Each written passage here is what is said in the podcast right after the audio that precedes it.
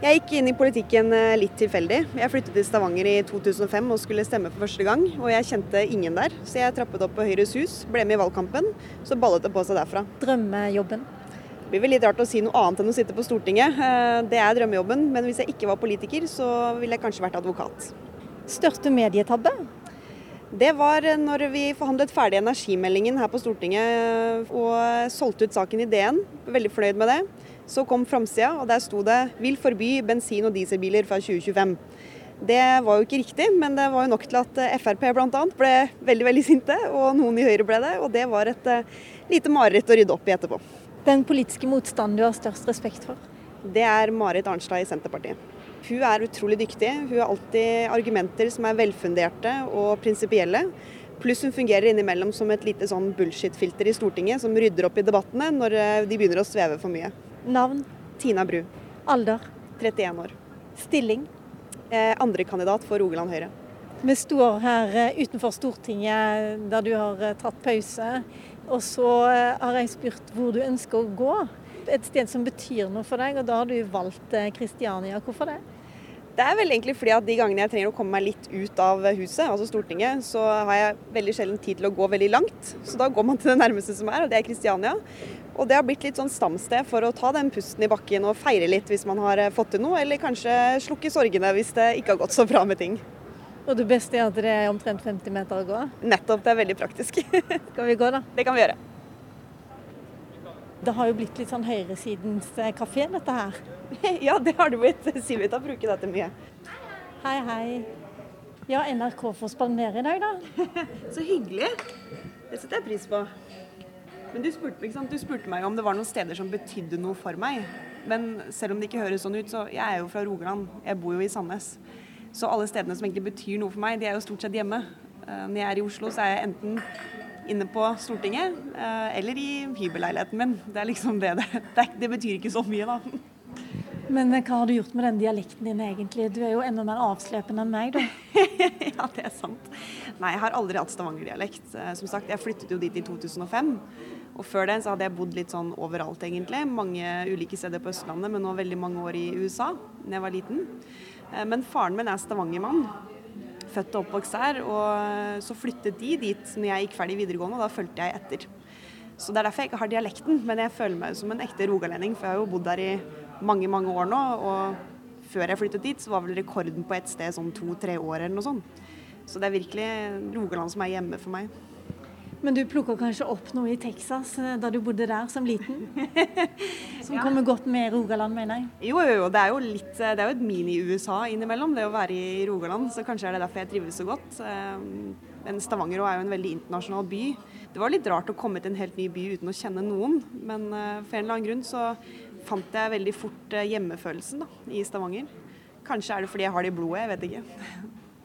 Hvordan var det for deg da du ble valgt inn på Stortinget, så var du 27 år og kom fra Rogaland og var opptatt av utdanningspolitikk, og det var olje og energi du skulle jobbe med. Hva tenkte du da? Nei, Helt ærlig, når jeg fikk beskjed om at jeg skulle sitte i energi- og miljøkomiteen, eh, så var vel første reaksjonen litt sånn sjokk og vantro. Tenkte jeg hvordan i alle dager skal jeg få til dette? Eh, dette er jo ikke noe jeg kan noen ting om, og det er heller ikke sånn at fordi jeg er fra Rogaland, så kan jeg automatisk alt om olje og gass, selv om noen innimellom virker å, å tro at det er sånn. Eh, så det var en veldig ekstremt bratt læringskurve, og gjorde kanskje den første tiden spesielt ganske skummel. For jeg følte jeg måtte ut og snakke om ting som jeg ikke kunne noe om. Eh, og ofte i forsamlinger med veldig mange menn over 50 i dress som kunne veldig mye mer enn meg om de tingene. Hvilke triks lærte du da?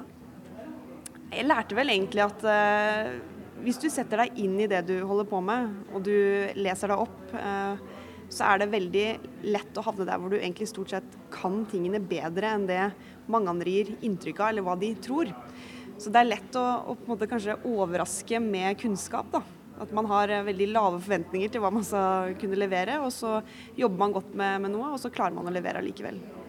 Men eh, du Tina Bru er jo sånn som går igjen i alle debattredaksjoner, alle debattstudioer.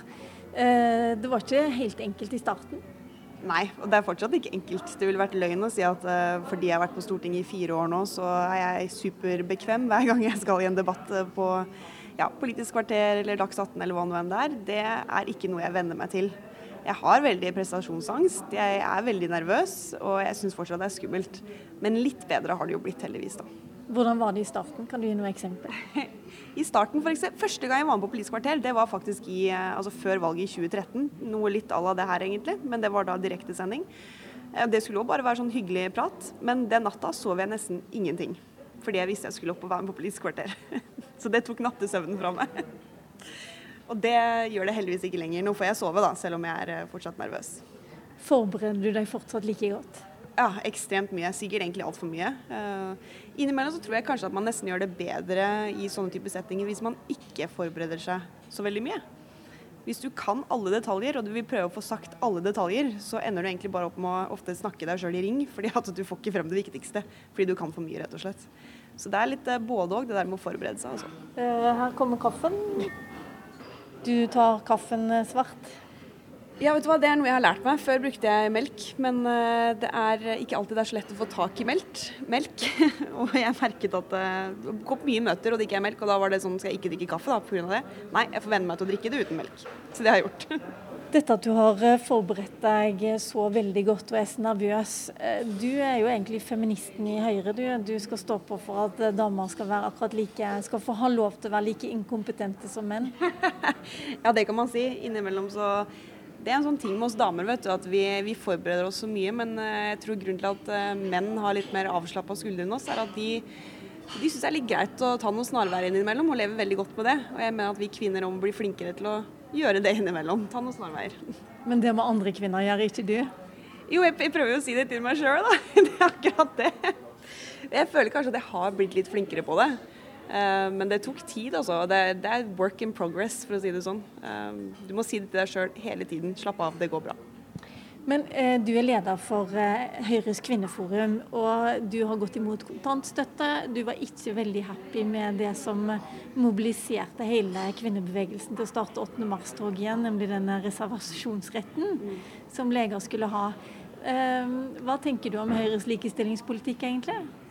Jeg syns at Høyres likestillingspolitikk er bra, og den har vært bra i mange, mange år. Eh, men det jeg har prøvd å si, er at jeg mener at vi må bli flinkere til å snakke om likestillingspolitikk. At vi kanskje har vært litt for dårlige til å, til å delta i den debatten. Og det har jeg prøvd å, å bidra til. Uh, pluss jeg mente at vi også trengte å gjøre noen endringer på politikken og vedta litt nye ting. Uh, og det fikk jeg jo anledning til å være med å påvirke gjennom at jeg først fikk lede det som het Likestillingsutvalget i Høyre, som faktisk var et initiativ fra Erna Solberg selv som ville at man skulle utvikle politikk på det området. Eh, og så etterpå fikk jeg da tilliten til å være leder i Høyres kvinneforum, eh, og det har vært eh, superspennende. Men hva er egentlig forskjellen på Høyres likestillingspolitikk og andre partiers likestillingspolitikk? Nei, Hvis jeg skal prøve å oppsummere forskjellen, så må jeg vel si at eh, i Høyre så har man jo alltid balansert mellom valgfrihet, men også det å erkjenne at eh, man innimellom må eh, gjøre noen ting for å dytte holdninger og samfunnet i riktig retning. Men det må være en balanse der. Og Det er jo der jeg ofte tar til motmæle mot eh, det som er venstresidens løsninger i likestillingsspørsmål, fordi at de har en sånn uendelig tro på at bare du regulerer noe eller kommer med et nytt tiltak, så vil det løse seg. Og Det mener jeg det finnes mange eksempler på at det uh, ikke stemmer. Altså F.eks. vet vi veldig godt at uh, kvoteringen inn i ASA-styrene har fungert på papiret og i, på tallene, men det har jo ikke gitt den effekten man ville det skulle ha, med at man fikk uh, flere kvinnelige ledere generelt. Men dette med å redusere pappakvoten, hvor, hvor lurt var det da? Vi ser jo på tallene foreløpig at selv om den er redusert, så er det fortsatt veldig mange fedre som, som tar ut mye pappaperm. Og mange færre enn før. Vi tar ut nå i snitt to dager mindre etter at man reduserte ukene. Og det mener jeg igjen, hvis du skal redusere likestilling i Norge til å handle om det spørsmålet, så er det en fallitterklæring. Eh, men jeg er jo også glad for at Høyre nå på landsmøtet vårt vedtok at vi skal ha pappakvoten. For eh, tidligere så hadde jo Høyre standpunkt om at man ikke skulle ha kvote i det hele tatt. Eh, og jeg kjempet jo for at man skulle gå inn for å ha en kvote, for jeg mener det er viktig. Men igjen, det er ikke det likestillingen står og faller på. Ok, Men hvis det, er, hvis det er venstresidens likestillingspolitikk, hva er genuint for Høyres eh, likestillingspolitikk? Ja, men Det er jo det jeg sier, at det er en balanse. Altså, det er en erkjennelse at ja, kvoten har en funksjon. Det er viktig å ha noen virkemidler for å dytte i riktig retning. Men du må også nå et punkt hvor du også må erkjenne at familier har rett til å kunne også organisere sitt liv som de ønsker. Og at ikke alle familier er like. Og Det er jo der jeg mener at vi finner Høyres likestillingspolitikk, i den balansen der. Nå kommer det et svært eh, selskap her, åpenbart. Er det bare Høyre-folk? Jeg aner ikke hvem de der er. Jeg vet ikke, Det kan jeg ikke gå god for.